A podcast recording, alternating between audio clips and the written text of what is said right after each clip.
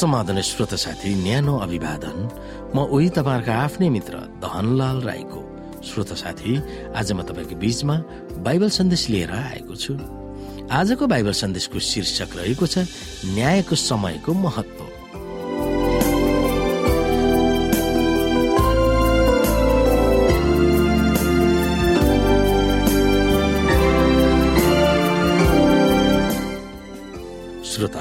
युगौं युगदेखि चर्किरहेको असल र खराबको बारेमा भइरहेको महान अन्तर्द्वन्दको चरम बिन्दुको विवरण बाइबलको अन्तिम पुस्तक प्रकाशको पुस्तकले केन्द्रीभूत गरेको छ। स्वर्गको महामहिम स्वर्गदूत लुसिफर परमेश्वरको सिंहासन ताक्न उहाँको विद्रोह गरेको थियो। परमेश्वरको न्याय ठिक र उचित कार्य र बौद्धिक क्षमतालाई लुसिफरले चुनौती दिएको थियो। जगत ब्रह्माण्डलाई परमेश्वरले शासन गर्ने पद्धति न्याय र उचित छैन भनेर उसले आरोप लगाएको थियो। प्रकाशको पुस्तकले वर्णन गरेको अन्तिम न्याय नै परमेश्वरको चरित्रको विवादको केन्द्रबिन्दु थियो। यहाँनिर प्रकाश चौध अध्यायको साथमा यसरी लेखिएको छ तिनले चर्को स्वरमा भने परमेश्वरसँग डराओ र उहाँलाई महिमा दियो किनकि उहाँका इन्साफको घडी आएको छ। स्वर्ग पृथ्वी समुद्र पानीका मूलहरू बनाउनु हुनेलाई दण्डवोध गर। अनन्तको सुसमाचार उल्लेख गरे बित्तिकै पहिलो स्वर्गदूतले परमेश्वरको इन्साफको बारेमा बताएको किन महत्वपूर्ण छ? अनन्तको सुसमाचारसँग परमेश्वरको इन्साफको के सरकार छ? हामी यहाँ हेर्न सक्छौ सुसमाचार र इन्साफ दुवै पहिलो स्वर्गदूतका भागहरू हुन्। ती दुवै एक आपसमा अलग गर्न नसकिने गरेर बुनिएको छ। यदि अनन्तको समाचार भएन भने परमेश्वरले गर्नुहुने न्यायमा हाम्रो केही आशा हुने थिएन। अझ हामीले यो हेर्नेछौँ कि इन्साफको घडीमा हाम्रो केवल आशा अनन्तको सुसमाचार हो।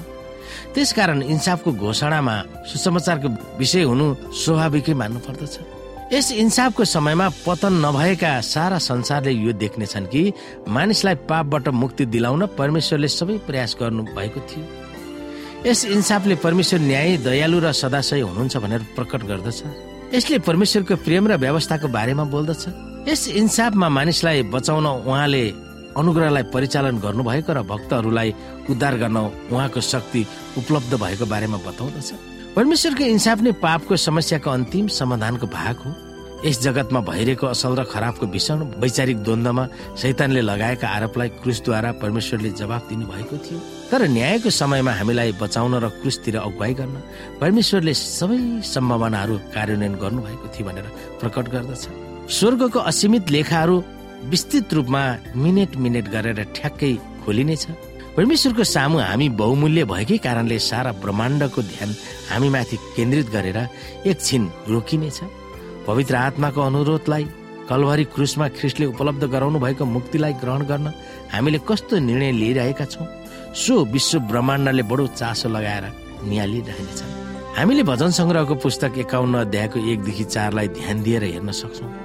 विशेष गरेर चार पदलाई हामी हेर्न सक्छौँ। परमेश्वरले गर्नुहुने न्यायको अर्थ र लक्ष्यलाई ती पदहरूले हामीलाई कसरी बुझाउन खोजिएको छ?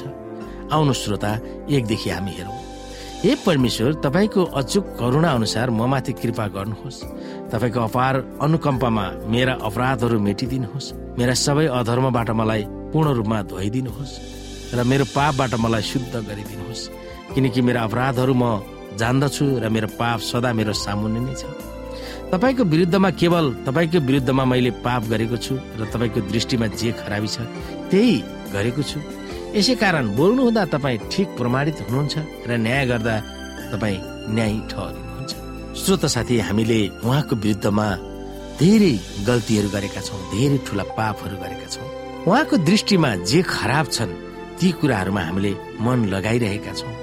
हामीले हाम्रो अपराधहरू जान्दा जान्दै पनि बेला बेलामा हामीले ती अपराधी झैँ बनिरहेका छौँ। र ती पापहरूबाट हामी कसरी मुक्त हुन सक्छौँ? हामीले सर्वशक्तिमानको अचुक करुणालाई विश्वास गर्नु पर्दछ उहाँको अचुक करुणा हामी माथि छ। उहाँको अचुक करुणा अनुसार उहाँको कृपा हामी माथि छ। उहाँको अपार अनुकम्पमा हाम्रो अपराधहरू मेटिनेछ तर हामीले त्यसमा ध्यान दियौँ कि दिएनौँ त्योसँग हामी भर पर्दछ। र उहाँको इन्साफको घडी आएको छ। यो पतित सारा संसारलाई र यो सारा संसारमा रहेका मानिसहरूलाई ती पापहरूबाट मुक्त गराउन उहाँले धेरै प्रयासहरू गर्नुभएको हामी बुझ्छौँ। उहाँको दया प्रेम सदा सहायता हामीमाथि सधैँभरि छ।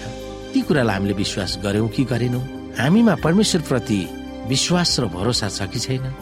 उहाँको अनुग्रहप्रति हामी कतिजना आभारित भएका छौँ? ती कुरामा हामी विचार गर्न सक्दछौँ।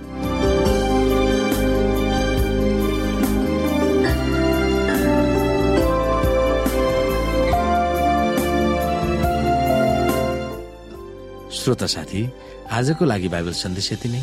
हस्त नमस्ते जय मसिंह।